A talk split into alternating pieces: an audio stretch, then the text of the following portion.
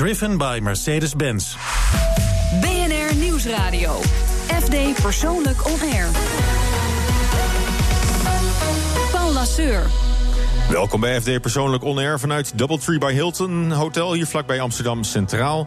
Ja, deze week is eh, de stad niet alleen het podium voor dancemuziek. Er barst ook een cello-festival los. We hebben het straks over de Cello Biennale. En we blikken vooruit op de Global Denim Days, spijkerbroeken.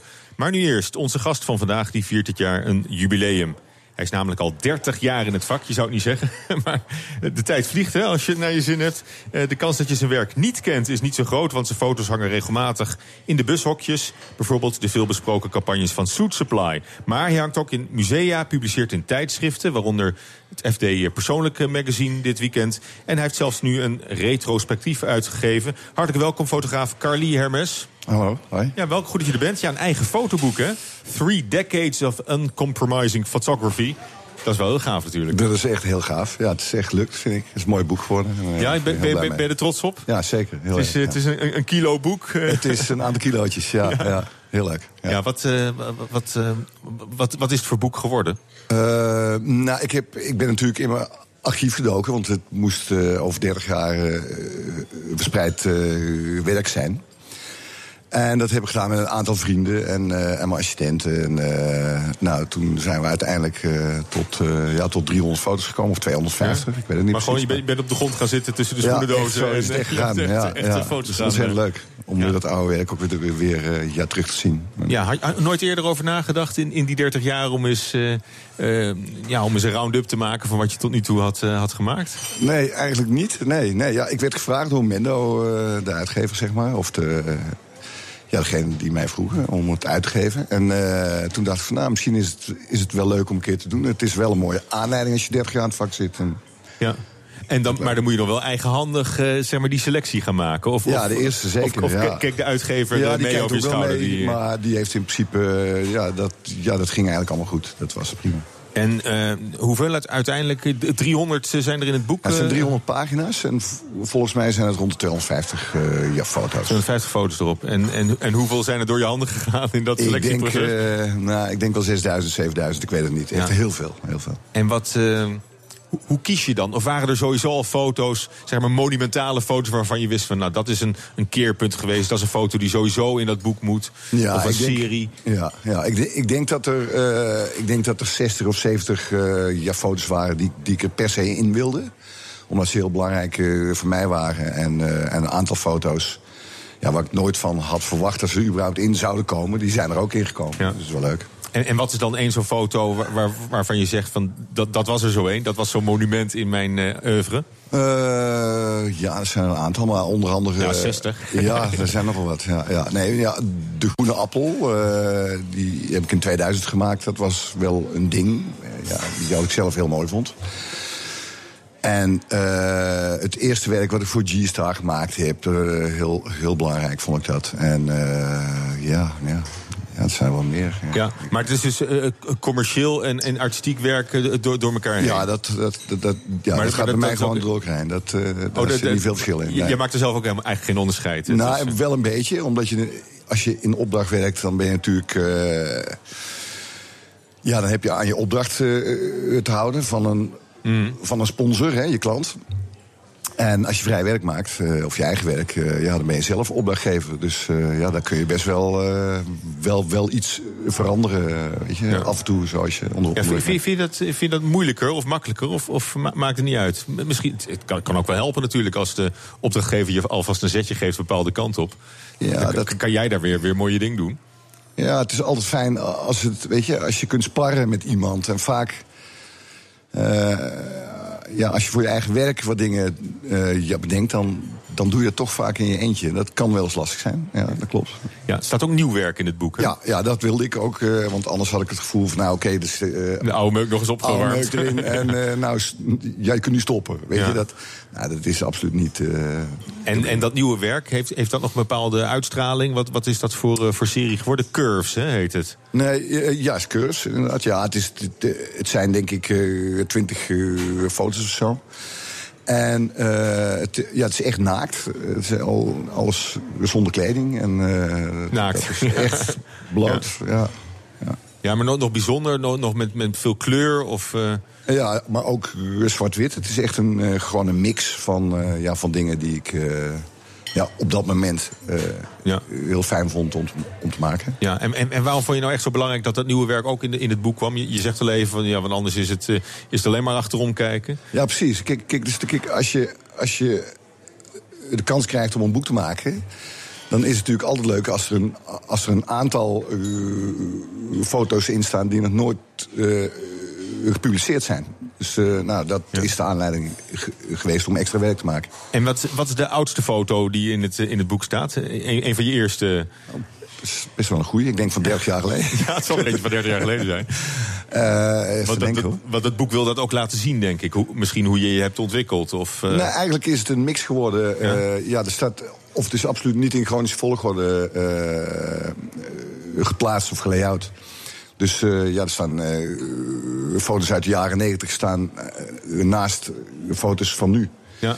En op een of andere manier, ja, er is natuurlijk wel heel veel veranderd. Maar ja, herkent wel heel duidelijk nog ja. De, of, ja, de stijl. En dat vind ik zelf wel, wel leuk om te zien. De, de stijl van 30 jaar geleden bedoel ja, je? Die, ja, maar goed. of is, of heb, je, heb je altijd al dezelfde look en uitstraling gehad als, als zo, zoals we je nu kennen? Ja, qua energie wel, denk ik. Ja, ja, het past heel goed nog steeds bij elkaar. Dat is erg, erg grappig om te zien. Ja. Maar er moet 30 jaar geleden een foto zijn geweest of een serie... Ik ben waar, waar, waar, waarbij je bent, bent, bent doorgebroken. Waarvan je ineens dacht van, uh, ik, ben, ik ben nu fotograaf. Ja, ja. Goh, ik denk dat het is geweest uh, voor de avenue of zo. Ik weet het niet in die tijd. Dacht ik misschien. Ik denk ja. het wel. Ja. Ja. Of nou, ik werkte. Uh, of ik werd wel eens gevraagd als student voor um, een tijdschrift uh, Focus. Ja. Dat was een fotoblad. Fotomagazine, ja? Ja. En daar, daar, heb ik een foto gemaakt van een meisje in, uh, in, in een bos. En het lijkt alsof ze in de jungle is. En die, ja, die loopt door een rivier. Met een, met een kapmes in haar, in haar handen. En ik denk dat dat de oudste foto is. Die is uit 88 misschien wel of zo. Oké, okay. en, maar, en, maar die staat ook in het boek? Die staat in het boek, ja. En, maar daar zit dat, een beetje dat magisch-realistische ja, dat zit, zit er al in. Zit, zit er al ja. helemaal in. Ja. Is, dat, en is dat een kleurenfoto? Dat is een kleurfoto, ja. ja. Ja. Ik vind kleur ontzettend uh, ja, fijn om, om te doen. Ik bedoel, uh, ja. gewoon leuk. Ja, en, en dat nieuwe werk, hè, die serie uh, Curves, die, die naakte foto's, die, daarmee sta je ook in de vaste galerie, hè? Ja, bij Rademakers, geloof ik. Ja, dat is Rademakers Galerie, daar, daar hangt het nu. En daarna gaat het naar Pan Amsterdam en naar andere beurzen. Overal. Dus die gaat op, op tournee. En Miami ja, gaat hij, Ja? Miami gaat je ook, hè? Dat is ja. ook wel eens in de gaaf. Ja, super gaaf. En, en waar, in, waar in Miami komt het uh, te hangen? Nou, het is uh, tegelijkertijd met, uh, met Basel Miami. Al, alleen is dat dan een, een, ja, een site, weet het, een site... een, een, satelliet, een satelliet van, van Basel. Ja, precies. En dan in Miami. Ja, exact. Ja. Maar goed, heb je wel een enorm internationaal publiek natuurlijk. Ja, super gaaf. Ja. Heel veel mensen die jouw werk kunnen zien. Nou, voor we nog dieper in, in je werk duiken, wil ik even het weekendgevoel aanwakkeren. We hebben je ook gevraagd om een ideaal weekend samen te stellen. Hè? Een weekend zonder grenzen aan tijd, afstand of geld. En jouw droomweekend klinkt ongeveer zo. Antarctica is home to 2 million kings. In this one colony alone, there are 600,000 of them.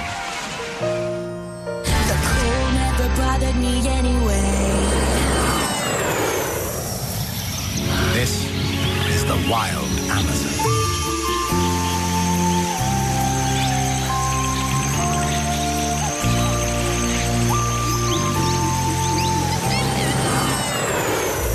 Compleet zomer, want er is veel meer zon. En kijk eens naar die temperaturen.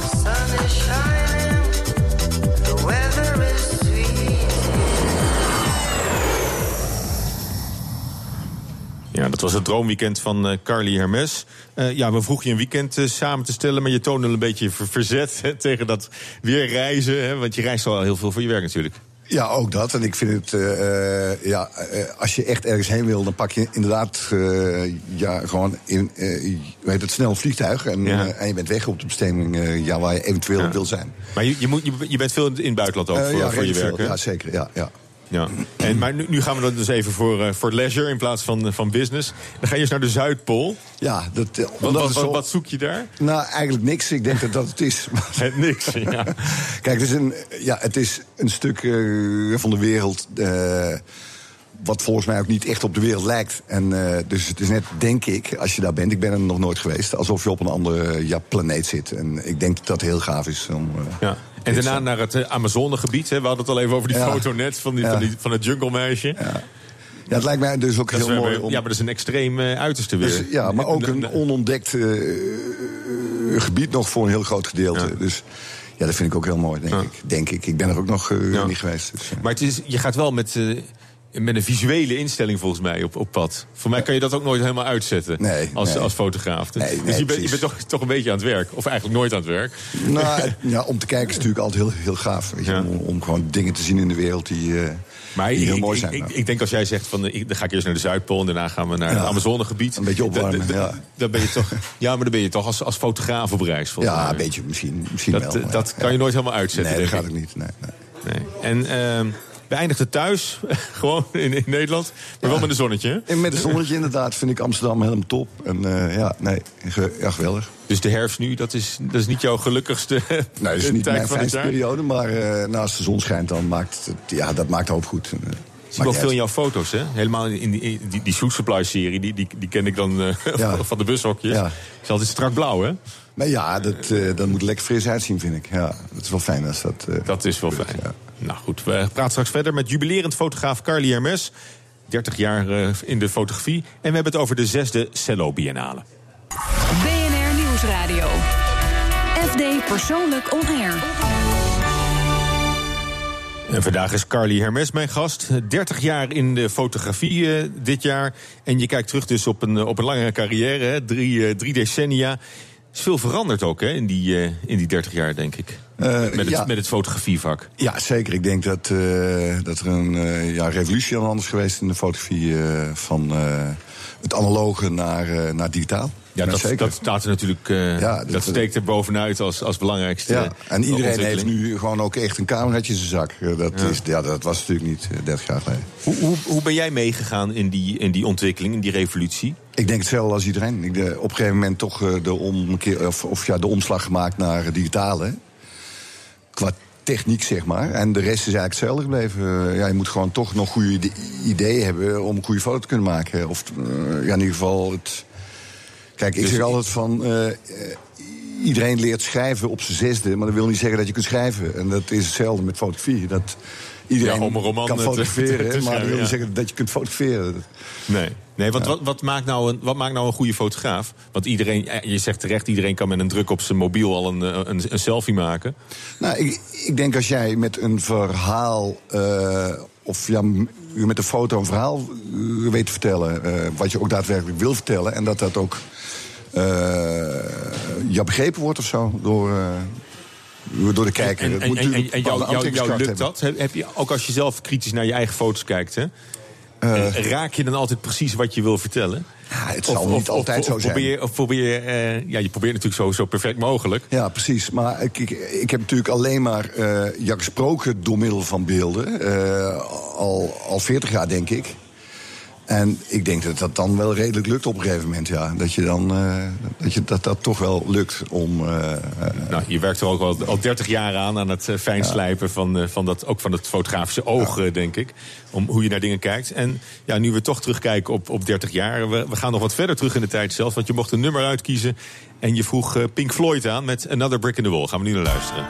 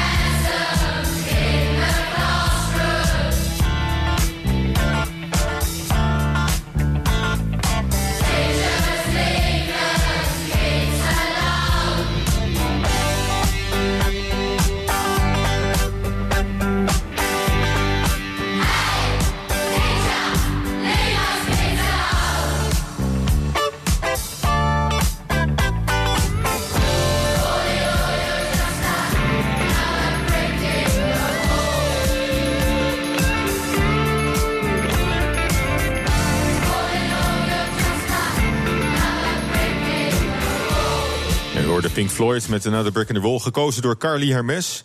Eh, ja, 30 jaar terug in de tijd, hè? En dat doen we vandaag ook eh, met, eh, met jouw eh, retrospectief. Het boek wat is uitgekomen met, eh, met jouw werk van de afgelopen 30 jaar. FD Persoonlijk On Air. Paul Lasseur. Inmiddels ook aangeschoven Johan Dorrestein. Hij is directeur van de Cello Biennale Amsterdam. Even weg van het eh, cello-geweld, want eh, jullie zitten hier vlakbij. Hè? Wij zitten in eh Doubletree by Hilton, vlakbij Centraal Station. Ja, en wij zitten in het muziekgebouw en het Bimhuis. Muziekgebouw in Bimhuis. En dat is twee weken lang is het Ja. epicentrum van de, van de cello-wereld. hè? Tien, tien volle dagen. Tien Ja. volle dagen. Ja. En hoe, hoe gaat het met het evenement? Wat, het, Ja, het is de, donderdagavond hadden we een soort pre-opening met een muziektheater, een, een nieuwe voorstelling. Eh, en eh, twee, nou, twee uitverkochte voorstellingen. En gisteravond was de echte symfonische opening met eh, het Nederlands Philharmonisch Orkest en twee grote solisten en een, nieuw opdrachtwerk. En nu is het inderdaad losgebast. Dit, vrijdag en zaterdag is ook het, de eerste ronde van het Nationaal Cello Concours. Ehm, want het is, de, de Biennale is ook het Nationaal Cello Concours. En, eh, ja, het is, en vandaag komen de komende de, de, ja, overdag ook heel veel mensen, omdat nu ook de, de festivalmarkt daar plaatsvindt. Ja, ja, ja. Ja. Ja, tien jaar geleden eh, eh, begon jij met, met Maarten Mostert samen... het dynamische duo of het tweekoppige monster. Nou, moet ik even eh, historisch rechtzetten. Maarten is ermee begonnen. Maarten is de Ja. cellist. En Maarten is dus eigenlijk ook echt de grote genius van de Cello Biennale. Maar we moeten onze taken ook... We hebben zoveel georganiseerd deze tien dagen... dus dat we echt ook moeten... Jij doet dit en, en Ja, jij ja. doet dat. En straks loop ik bijvoorbeeld naar de Tolhuistuin... waar eh, repetities plaatsvinden voor het concert van eh, vanavond. En Maarten is nu bij het concours de eerste ronde. En vanmiddag hebben we dan 160 eh, kinderen en jongeren op het podium uit het hele land. die een, Ja. een nieuwe compositie uitvoeren. En daar zijn we dan weer met alle twee. En ja. Het is gewoon ki- kinder, eh, eh, kinderconcert is er ook, hè? kinderorkest. Ja, laat ze het niet horen. Er zitten eh, spelers bij van 16, 18. En die, die willen geen kinderen genoemd worden.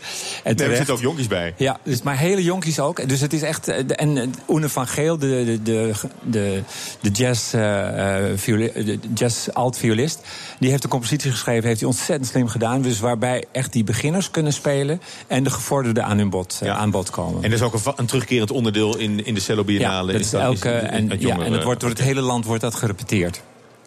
En eh, ja, het, het, wordt el- het wordt wel elk jaar groter. Hè? Dit is dan de zesde keer. Ja, het is verbazingwekkend. Ik ben zelf geen cellist.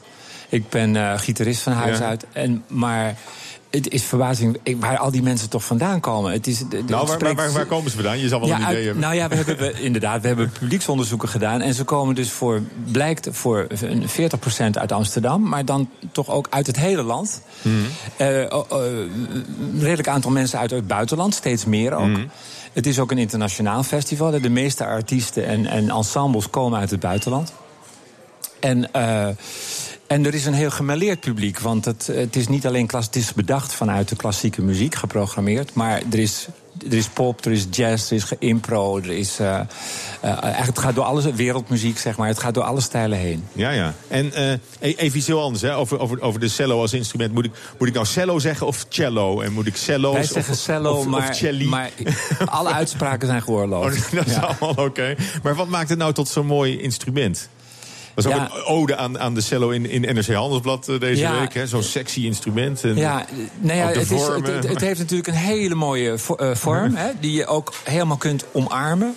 Dus je, eh, eh, eh, kijk, zo'n viooltje, dat, zet je, dat is heel mooi. Maar het is toch klein, het zit een beetje, toch een beetje Ja, onhandig ik, ik vraag, vraag toch even aan, aan Carly Hermes. Heb jij ook... eh, er is die hele beroemde foto van, van. Helmut Newton. Er heel, die- hele mooie foto's gemaakt met, met, met een vrouwenlichaam als, als cello. Ja, Het heeft een mooie maat, hè, dus je kunt heel mooi de combinatie maken tussen, Ja. eh, tussen een mens en een, en een instrument. Ja, dat is heel Ja, gaaf. Ja. ja, dat, ja, Nou ja, en- maar, maar, maar de klank ook natuurlijk. En, en de klank, ja, de klank die heeft het, dat is wel interessant. Die heeft precies het bereik van de menselijke stem. En dat schijnt ermee te maken te hebben. Dat wij ons dus heel goed kunnen verhouden tot de klank van de cello. Dus die, die lage klanken, maar ook het in de hoogte. Niet, niet te schril, wat je dus vaak bij Ja. eh, eh, hogere instrumenten hebt. Maar in de, zowel hoog als laag Ja, de kunnen wij warmte ons, ook, hè, de die- warmte ja. kunnen wij ons mee eh, identificeren. Ja, en daarmee, dus met, met, met dat bereik, kun je echt hele verschillende kanten op. En ik heb eh, twee korte fragmentjes om te illustreren hoe divers Ja. het, eh, het aanbod is.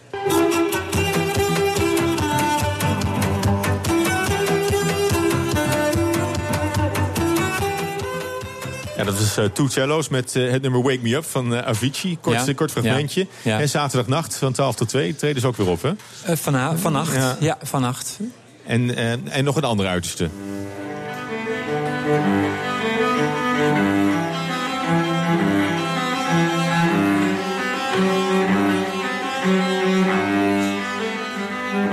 Nou, dat is de wereldberoemde eerste cello-suite van, van Bach. Ja. Ook Die- veel, veel Bach, hè?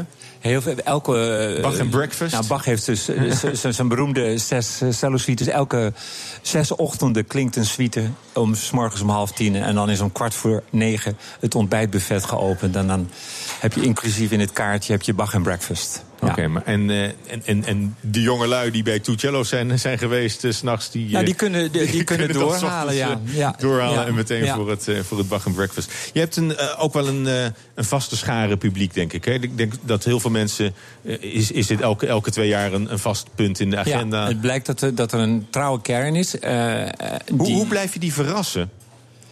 Want, ze moeten wel blijven komen. Nou, we hebben eh, het festival ontwikkeld programmatisch enorm. Er is elke keer is er een thema. Eh, eh, dit keer is dat bijvoorbeeld de acting cello. En dus de cello als acteur, waarbij we dus verbindingen creëren met theatermakers, met dansers, met eh, eh, tekstschrijvers. En vooral jonge makers. En dat, eh, dat verras- verrast, dat trekt een heel nieuw publiek voor ons weer, maar het verrast ook het bestaande publiek. En we hebben wel begrepen, het is heel opmerkelijk dat vooral ook het experimentele, dus de nieuwe muziek, die doorgaans eigenlijk niet zo'n heel groot publiek trekt, daar zit bij ons de zaal vol. Dus dat publiek is heel nieuwsgierig. En is dat omdat jullie ze een beetje hebben opgevoed in de afgelopen jaren? Nee, Misschien is er een soort, ja, misschien is er een soort vertrouwen ontstaan van dat het, dat het eh, in elk geval van hoge kwaliteit is. Ja, want is, want je zou denken dat eh, liefhebbers van cellomuziek ook wat, wat, wat behoudend zijn. En juist voor die, voor die warme herfstklanken gaan. Hè, met, de, met de kletterende regen Nou, tegen, tegen de ramen van het muziekgebouw. Ja, nou, dat, dat, dat deel is er zeker en dat moeten we ook koesteren. Dus het is fantastisch. En jaag je, die, jaag je die niet weg met, met meer die- experimentele nee, die- die- die- sessies? Nou, sowieso ben je, hangt helemaal je tong op je schoenen als je alles wil horen. Dus die mensen kunnen een selectie maken. Maar het is verbazingwekkend hoeveel mensen toch ook een paspartout kopen. Ja. En je weet ook wel een, een nieuw publiek eh, te bereiken en enthousiast te maken voor, eh, ja. voor cellomuziek. Ja, nou ja, sowieso door het, door het concours komt er heel veel jong publiek binnen. Eh, en ook door die, die nieuwe makers, zeg maar. en, en ook dat we veel samen doen met de kunstvakopleidingen, komt er veel jong publiek binnen. Oké. En, en voor jouzelf, wat is, wat is nou het concert of de, of de cellist waar je het meest eh, naar uitkijkt deze Nou, editie? ik, ik ben heel, als, als oud-gitarist moet ik bijna zeggen, ben ik wel heel erg betrokken bij het programma van vanavond. Dat is met eh, een fantastische jonge flamenco-zangeres. En eh, twee, twee Spaanse muzici, slagwerker en een tokkelaar. En, eh, ehm, en, en twee hele grote cellisten, jonge cellisten ook. eh, Kian Soltani en Ella van Pauken. En wat daar gebeurt, dat is magisch. Dat, is hebben we ook helemaal zelf laten ontstaan. Er zijn bewerkingen gemaakt. Ze kenden elkaar nooit, hebben gerepeteerd zoals een, een band eigenlijk begint met van wat gaan we doen, welke nummers gaan we doen, welke nummers gaan we maken. Dus dat wordt heel spannend en dat gaan we vanavond doen. En waar kan het eh, festival in de toekomst nog naar, eh, naar uitgroeien? Want heb, je niet het idee na de zesde keer... als je straks helemaal uitgeput Nou, het is heel op de vol. bank ligt... Ja, het- het- het- Wat nu nog? We hebben de vorige keer zo'n 30.000 mensen geteld. En, en met een zaalbezetting van 87 procent. De kaartverkoop is nu nog weer hoger. Maar we organiseren steeds meer evenementen tussen de festivals door. Dus we hebben de Hello Cello dagen in, in, in, in, het, in het land. We doen concerten met de concours-winnaars. en eh, we hebben in het tussenjaar hebben we een even- evenement... wat alweer vooruitkijkt op het nieuwe festival. Ja, ja, ja. Dus we creëren evenementen waarin we ook weer steeds nieuw eh, publiek bedienen. En, en zijn jullie het grootste cellofestival ter wereld? Ja, dat kunnen we wel dat, zeggen. dat komt heel zelfverzekerd uit. En eh, zijn er nog eh, kaarten te krijgen? Of is het, Jawel, is het eh, zeker, zeker overdag. Daar is, waar eigenlijk hele interessante programma's zijn. Daar zijn eigenlijk de meer experimentele programma's zijn overdag. En daar, is, daar, daar zijn ook concerten uitverkocht. Maar daar is zeker nog plek voor. Nou, ik wens je een heel goed festival. Hartelijk dank, eh, Johan Dorrestein, voor je komst. Bedankt. Hier naar eh Doubletree by Hilton. Dankjewel. Dank je. En straks zijn we terug met fotograaf eh, Carly Hermes. En ik spreek Mariette Hoytink over de omvang van de denimwereld in Nederland. BNR Nieuwsradio. FD Persoonlijk On Air. Paul Lasseur. Met aan tafel nog steeds Carly Hermes, de fotograaf... en inmiddels ook Mariette Hoytink. Zij is oprichter van House of Denim. En organisator van de Global Denim Awards... die komende week in Amsterdam plaatsvinden. Hartelijk welkom, goed dat je er bent. Eh, Global Denim Awards, in, in welke zin, eh, hoe, hoe global is het? Uh, de denimindustrie is een global industrie. Ja. Dus in die zin is het global dat wij hebben de allerbeste weverij, denimweverij van de wereld, die niet in Nederland zitten. Mhm. Dus van China tot Thailand, tot India, tot Turkije, hebben we gekoppeld aan uh, ontwerpers die nog niet zoveel ervaring hebben in die denimwereld. En die hebben samen een capsule collectie gemaakt. Dus een kleine collectie van vijf looks. En die show is van de week bij de Global Denim Awards. Maar het, gaat het gaat er dus om om weverijen en, en ontwerpers met elkaar uh, in contact te brengen. Ja, en dat is uniek in de wereld. Is, dat gebeurt nooit. Eigenlijk en daarom global. En daarom global. ja. En, en, en waar, waar, zitten die beste weverijen? Ik dacht dat de beste denim uit, uit Japan kwam altijd. Ja, dat is natuurlijk ook zo. En aan de andere kant heb je van Italië tot um, Turkije. Noem het maar op. Heb je hele goede weverijen die allemaal heel erg bezig zijn met het verduurzamen van deze industrie. Ja, want ontwerpers, uh, zou je denken, die, die hebben al hun eigen wevers. Dat, dat zijn vaste, vaste verbindenissen. Nee, het is vaak zo dat ontwerpers niet verder komen dan een stoffenbeurs waar de stoffen al bestaan. En eigenlijk zit de grootste innovatie aan het Hm. begin van die hele keten. En dat is dat er stoffen worden gemaakt die unieke eigenschappen hebben. En door een ontwerper echt een, ja, de kans te geven om een kijkje in de keuken te nemen van een weverij waar ze nog nooit zijn Ja. geweest. En daar kunnen ze dan rechtstreeks mee uh, in contact. ze zijn daar er geen allemaal- tussenlaag meer. uh. Ze zijn er allemaal naartoe geweest. Dus ze hebben echt kunnen zien, daadwerkelijk zien wat er allemaal kan binnen een weverij. Ja, want wat voor verschillende stoffen komen daar dan uit uh, naar, naar boven? Nou, dat wordt heel spannend, want van de week zien we de echte allernieuwste dingen uh, op dit gebied. Dus daar kan ik eigenlijk nog niet zoveel over zeggen.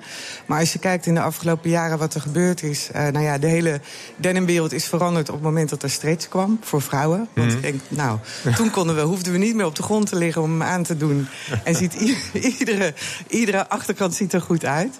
En, maar daarnaast heb je nu denim die bijvoorbeeld uh, je kan verwarmen in de winter. Die je kan verkoelen in de zomer. Uh, die zo sterk is dat je er motorbroeken van kan maken. En uh, nou, ga zo maar door. Ja, van, van super zacht dus tot heel, heel rekbaar en plooibaar... tot, Ja. uh, tot keiharde, keiharde denim stof Ja. en spijkerbroeken. En waarom is Amsterdam nou uh, de logische plek om zo'n evenement te organiseren? We zijn, zijn een beetje een uh, denim capital of the world, hè, of niet? Ja, dat zijn, of tenminste, ik vind het een groot woord. We zijn de belangrijkste denimstad van Europa, zeker. De grootste zijn we niet. We hebben wel de grootste denimdichtheid qua bedrijven... die hier allemaal in en om Amsterdam gevestigd zijn. Ja, dus ja, noem- noem eens een merken. G-Star, uh, Scotch Soda, uh, Kings of Indigo... maar ook Tommy Hilfiger, Calvin Klein. Eigenlijk allerlei bedrijven dat mensen niet weten dat ze hier zitten. Pepe Jeans zit hier al heel erg lang. Maar, Uh, maar die zit hier vanwege het fiscale klimaat? Of, of omdat Dat het creatief zo'n hotspot is? Nee, dat zou je denken. Maar ik denk dat Amsterdam is de meest makkelijke internationale hub die wij in Europa hebben. Je kan hier, mijn dagelijks werk is- is teams samenstellen voor onder andere dit Mhm. soort bedrijven. En je kan in Amsterdam veel makkelijker dan in Parijs of Berlijn een heel goed team samenstellen Mhm. die die collecties ontwikkelen. Ja, dus dat is ook wat, wat House of Denim doet. Ja, House of Denim is een stichting die eigenlijk zorgt dat wij de hele denimwereld gaan verduurzamen. Die brengt eh, de netwerken bij elkaar. Dus zorgt dat de hele wereld eh, zich gaat focussen, oh, de denimwereld focust op een schonere toekomst voor die denimindustrie. En wij, een van onze wapenfeiten is dat we een jeans school hebben opgericht. Ja, Eh, en, een- dat is de en een innovation campus en een, Ja, een in de jeans eh, school. Nou, in de Halle hebben we eh, Denim City. Dat Ja. is een, de eerste Denim Innovatiecampus in de wereld. Waar eigenlijk een werkplaats, een lab, een archief, een school, een internationale school bij elkaar komen. En waar dat eigenlijk al die weverijen, wasserijen en merken ook partners in zijn. Maar nog even, hè. We, we, hebben, het- we hebben het toch over spijkerbroeken, hè? Ja. Dat heb je, Het is een religie. Nee, maar, ja, maar dus op, zich, op zich is dat merkwaardig. Want het leuke van een spijkerbroek eh, is toch eh, dat het gewoon een spijkerbroek is. Ja. En, en dan ga je er wel allemaal innovaties aan hangen en, en verschillende soorten stoffen. De spijkerbroek is geen spijkerbroek meer. Nou, die is hartstikke spijkerbroek natuurlijk. In die zin, hoe uniek is het als je ooit als Levi's bent gestart met iets te ontwikkelen wat jij en iedereen nog aan hebben. En tegelijkertijd is er gewoon veel meer comfort bijgekomen. En dat is echt hartstikke mooi. Ja. Ben je ook zelf een, eh, een jeans-fan, een geboren jeans-fan? Ja, ik denk in Nederland, wij hebben de meeste jeans in de wereld in onze kast liggen. Ja. Eh, iedereen zou roepen, nou, misschien heb ik er niet zoveel, maar daar kom je dan nog wel achter. Er zijn mensen die hebben er heel veel, Ja. eh, zoals ik. Ja. En Ja, daarin, wij zijn ermee opgegroeid. Nederland is een denimland. Ja. Wij hebben een soort casual Friday gevoel. Ja, wat eigenlijk Ehm. eh, Amerikanen noemen een, een spijkerpak een, een Canadian tuxedo, hè? maar eigenlijk is het een Dutch tux, of ja, niet? het is, dat is een goeie. Ja, hè? Die had ik nog niet. Ja, de Dutch tux. Ja, nee, ik, ik, heb, ik heb hem ingelezen.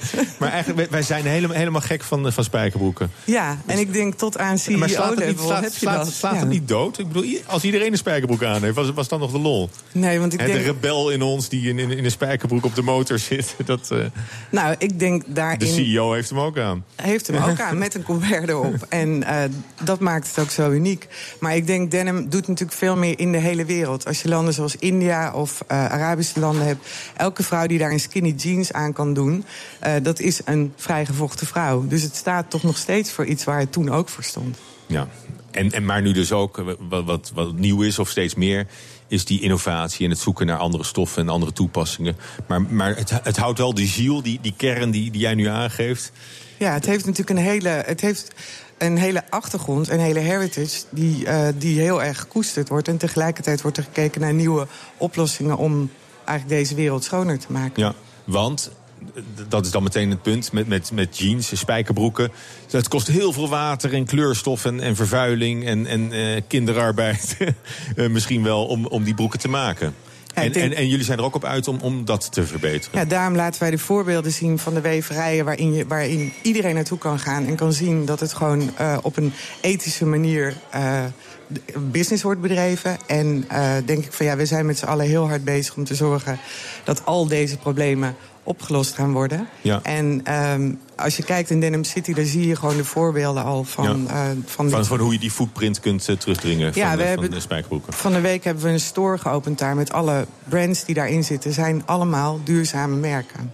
Oké, En die Denim Awards, hè, want daar is het allemaal om eh, begonnen. Eh, wa- wanneer is dat nou een eh, geslaagd project eh, voor jou? Nou, het is eigenlijk nu al geslaagd, want ik weet dat de ontwerpers zijn teruggekomen uit de verschillende productielanden. En het is een soort love match die je maakt. Ik probeer de beste ontwerpers proberen wij te koppelen aan die weverij. We weten niet of ze het met elkaar tot iets unieks gaan komen.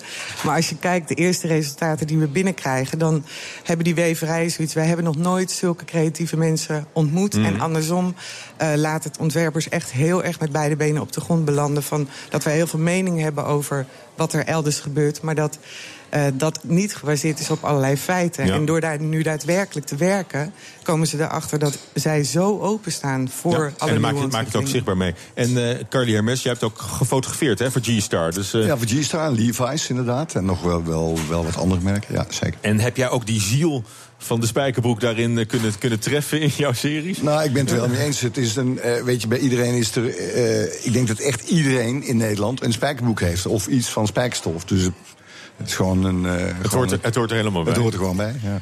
Oké, hartelijk dank. Mariette Hoytink van House of Denim en over de Denim Awards. Dankjewel.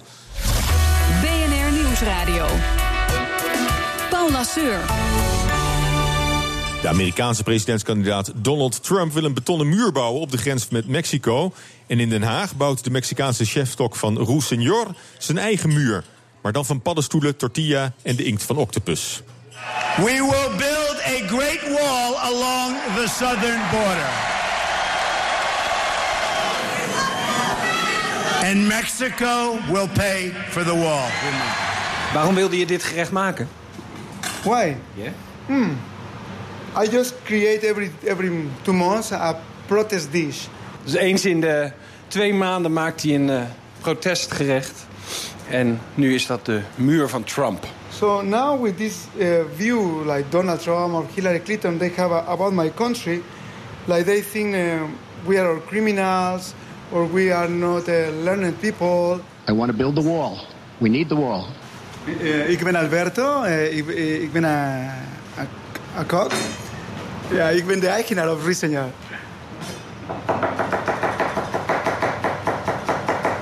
So the idea of this dish, the, the wall is going to be black. So that is kind of his view. Dus een zwarte black. muur omdat hij alleen maar negatieve dingen over Mexico zegt. The idea is to put all these ingredients under the, the black uh, wall, and then the, the guests uh, they have to, to break it.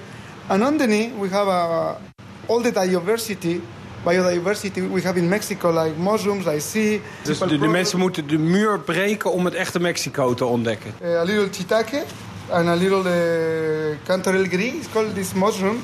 Verschillende paddenstoelen. So we make a, a mix with jalapenos, uh, garlic, onions, and an endemic herb that is called epazote. And uh, they are extremely crunchy. They are dehydrated for 24 hours, in, and uh, it's just to simulate the wall. Dus 24 uur gedroogd, allemaal kruiden en daar moet een muur van gebouwd worden. I want to build the wall. We need the wall. The Border Patrol, ICE, they all want the wall. All your dishes have stories, right? Ja, al je eh, gerechten hebben een verhaal. That is our concept. Like, tell us, uh, say a story, tell a story all the time. with food.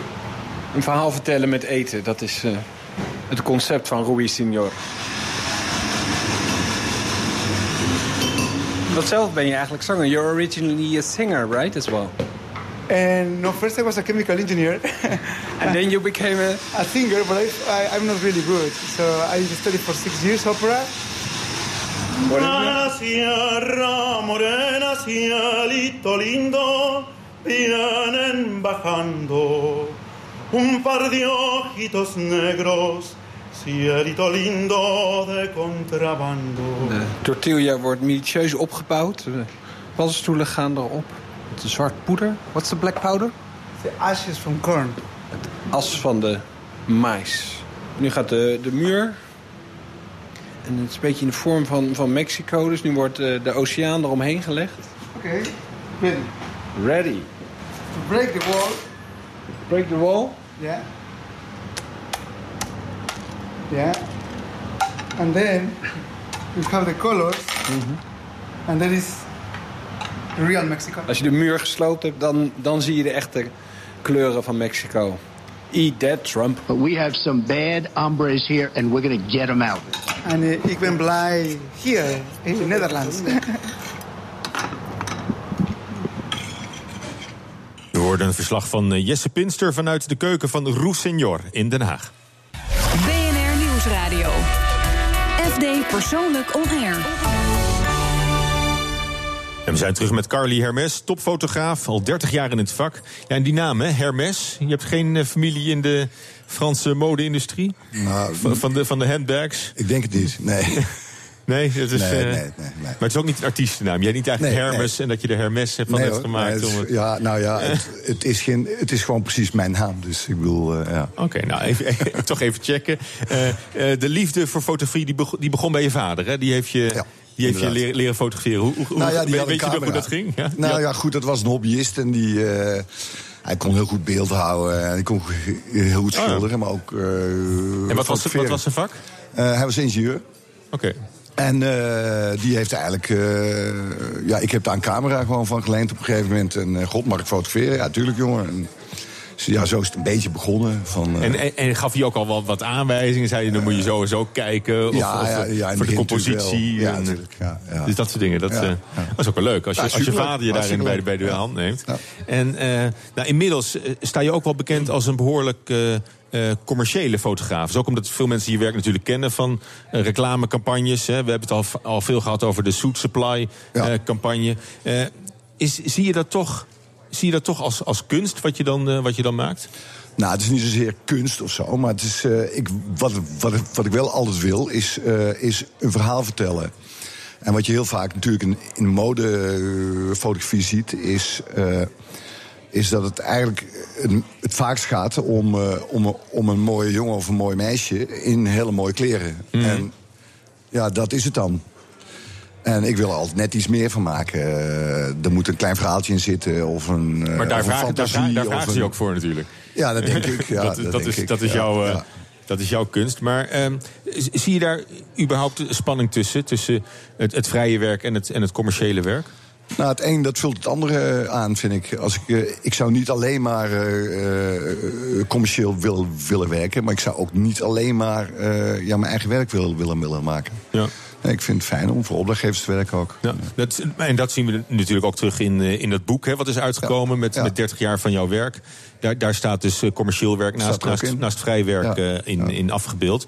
En, eh, maar hoe, ga, hoe gaat het in, in zijn werk? Hè? Als, als bijvoorbeeld even die, die Suit Supply eh, eh, campagne nog eens, eh, eh, nog eens bij de kop nemen. Hè. Dan heb je, heb je van, die, van, die, van die kleine, kleine mannetjes op, op enorme sexy, eh, op- opgeblazen vrouwenlichamen. is, is dat dan jouw concept of komt het bedrijf met, zo- met zo'n plan? Nee, ja, wat met, met, meestal welk- met welke opdracht word, je, word jij eh, op pad gestuurd? Nou, eigenlijk niet. Ik, eh, ja, ik, ik- eh, voor dat bedrijf, eh, bedrijf ga ik twee keer per jaar op reis. En, eh, en daar zijn we met een aantal mensen, eh, waaronder ook de eigenaar, de, Mhm. de CEO.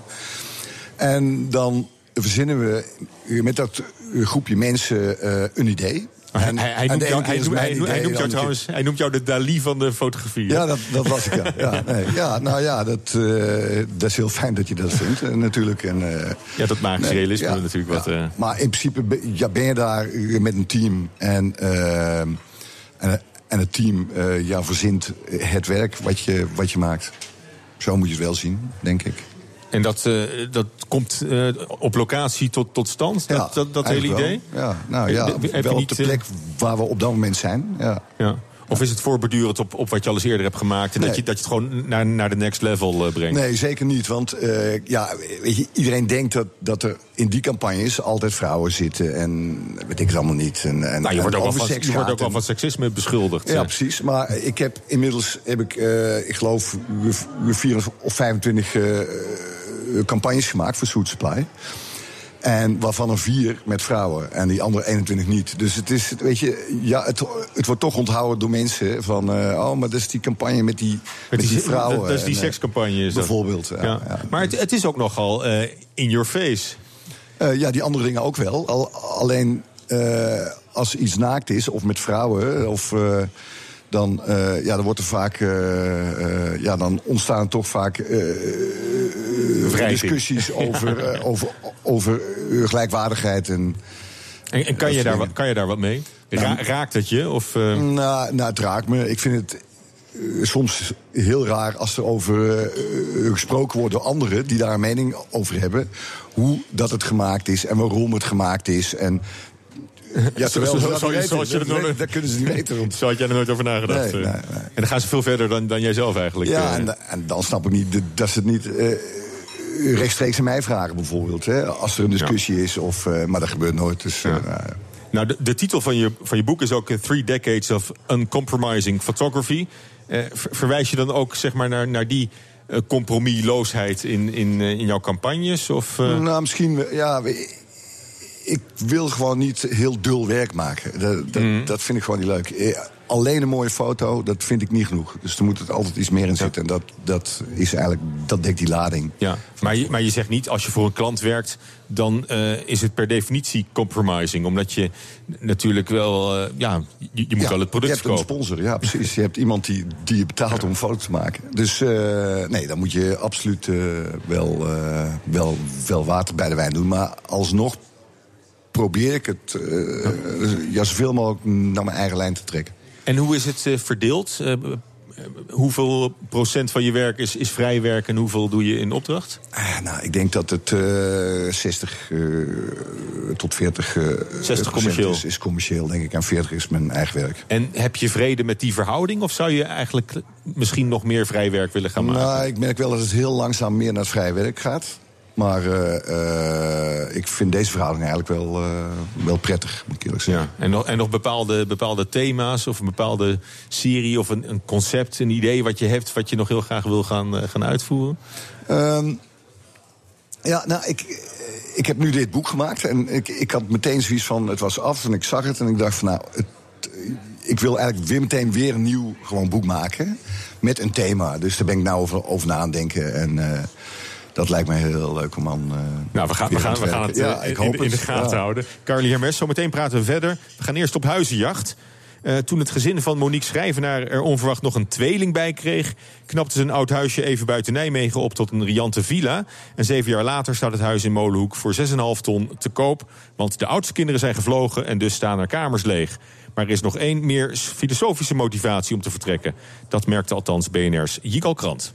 Wij wilden een groter huis omdat we eh, een tweeling als eh, verrassing nog eh, erbij hadden gekregen. We hadden al drie kinderen. En we wilden een, een plek waar we ruimte hadden. Nu staan we in de tuin en dan zie je ook dat hier ruimte is. Veel ruimte. Ja. Ja. En dat grasveldje heeft prachtige bomen waar de kinderen onder gespeeld hebben, waar we honkbal hebben gespeeld. En als je je dan weer omdraait, dan zie je het huis op een hele andere manier dan vanaf de straatkant. Je kunt het mooier aan de achterkant dan vanaf de straatkant. Dat is waar. Het is natuurlijk een gewoon simpel huis, net gebouwd na de oorlog toen er weinig geld was en een, een grote nood aan huizen. En achter hebben we ons vrij gevoeld om dat gewoon lekker royaal uit te bouwen en alle nadruk te leggen op de verbinding met de tuin. Buiten en binnen horen bij elkaar. Dat is het idee. En de tuindeuren kunnen allemaal open, waardoor je de hele achtergevel kunt openzetten eh, en je het gevoel hebt dat er geen verschil meer is tussen buiten en binnen. Ik zal ze openzetten voor je. Wil je dat zien? Dat is wel leuk. Dat is de eerste deur, dan is de halve gevel al open. Het kan helemaal open en dan krijgen we ook meteen, als we de andere kant op kijken... een mooi zicht op het huis. Ja. Wat mij dan opvalt is, je gaat steeds een hoekje om... en dan komt er weer iets verrassends. Daar is de eetkamer en hier de huiskamer. Daartussen staat een, een wand die ook de keuken scheidt van de zitkamer. Dat klopt. En dat heeft echt te maken met het feit dat we hier gewoon met vijf kinderen hebben gewoond. En we wilden dus rustige plekken in huis. En we dachten, als we geen muur maken, dan is het wel één grote galmende ruimte. Laten we iets meer... ehm, Iets knusser. Iets knusser maken. Het is dus geen draagmuur, hij kan er zo weer uit. Ja, hij is er ook echt gewoon in een middag ingezet. Waarom dit prachtige pand met, met die gevel die helemaal open kan verlaten? Ehm, mijn oudste kinderen zijn gaan studeren, dus die zijn net allebei weg. De ene oudste die gaat volgend jaar op kamers. En dan hebben we alleen nog een tweeling over. En we hebben een huis met eh, zes slaapkamers, eh, twee speelkamers. Zit in de weg? Ja, het is veel werk. En, eh, Neem een werkster. heb ik. maar we werken allebei fulltime. En op een gegeven moment heb ik wel bedacht... en dat was na aanleiding van een lezing van Ab Dijksterhuis... dat is een collega aan de universiteit waar ik werk. En die heeft een lezing gehouden over geluk. En die had bedacht dat het hebben van dingen eh, minder toevoegt aan je leven dan het doen van dingen. En daar ben ik het wel mee eens. Dus ik ben begonnen, dat kan je ook zien, met het wegdoen van al mijn boeken. Ik heb nog, dit is alles wat rest, twee boekenkastjes met een beetje favoriete boeken. Ik ben mijn cd's gaan wegdoen, ik heb alleen nog Spotify. En eh, met het wegdoen van spullen eh, kwam eigenlijk ook het gevoel van vrijheid. En van de zomer zijn we met alleen onze tweeling vier weken door Amerika gaan trekken met alleen een koffer. En toen dachten we, dat is fijn, geen bezit, niet heel veel spullen. Nou, zo radicaal kunnen we dat niet doortrekken. Maar het begin was wel dat we dachten... maar dan hebben we ook niet zo'n groot huis met zo'n enorme tuin nodig. Het is een beetje de tiny house filosofie. Ja, dat klopt. Uh, alleen kwam ik pas later achter dat die bestond. Ja, Heeft dat- u al een tiny house op het oog? Nee. Nee, ik heb helemaal niks op het oog. Want ik trek het volgens mij nog radicaler door met het idee dat eerst verkopen eh, helemaal het ultieme gevoel van vrijheid is. Want anders bind ik mij weer opnieuw aan iets en we gaan wel huren, heb ik bedacht. Ik wil even helemaal niks hebben. Ik wil vooral eerst iets kwijt. En het is mooi hier. Ik bedoel, ik laat ook iets goeds achter. Dus het gevoel is ook wel dat het af is. En dat iemand anders hier gewoon met heel veel plezier... met zijn schoonmoeder of zijn kinderen... of mijn eigen praktijk ook kan zitten. Dus dat kan best, ja. Ja, dat vertelde Monique Schrijvenaar aan verslaggever Jigal Krant. Eh Carly Hermes, hecht jij veel waarde aan spullen? Eh, nou, volgens mij niet, want ik ben, ik ben ook een jaar geleden verhuisd. En ik heb ook eh, bijna alles weggegooid. Wat ik, Alles, eh, alles, alles eruit gedonderd. Ja. The, more you own, the more it ends up owning Ja, you. dat is, een, eens. Ja, dat is een ja, beetje de filosofie. Dus daar kan, kan je wel in vinden. Ja, ik vind het eigenlijk ook wel, ik vind ook wat hebben. Dat is ook wel moderne luxe is dat, hè? Gewoon met, met weinig... Ja, en je bent gewoon, jij kunt makkelijker van A naar B. Ik bedoel, liever dingen meemaken dan, dan bezitten. Dat is eigenlijk Het, het belangrijkste.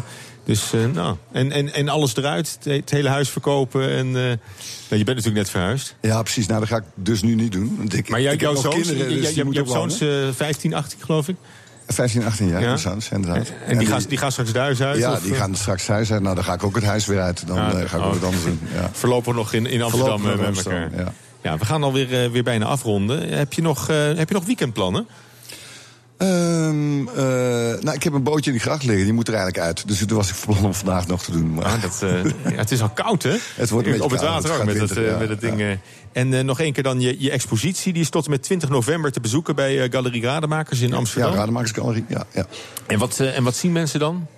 Die zien eigenlijk het nieuwe werk wat ik heb gemaakt. het, het allerlaatste werk. Wat, eh, Oh, dat is eh, naaktfotografie Ja. en, en eh, Curves heet het. hè? en dat heet inderdaad. En een deel daarvan zit ook in je nieuwe boek. Ja. En in FD Persoonlijk Magazine, het blad, Ja, hartstikke mooi. Ik heb sta, je ook dit, weekend. ja. En je was bij ons in FD Persoonlijk On Air. Waarvoor hartelijk dank. Leuk Ja, dat je mijn gast heel was.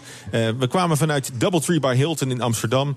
Tot volgende week. En neem een kijkje op fdpersoonlijk.nl om up-to-date te blijven. Ik wens je een fijn weekend. FD Persoonlijk On Air is driven by Mercedes-Benz.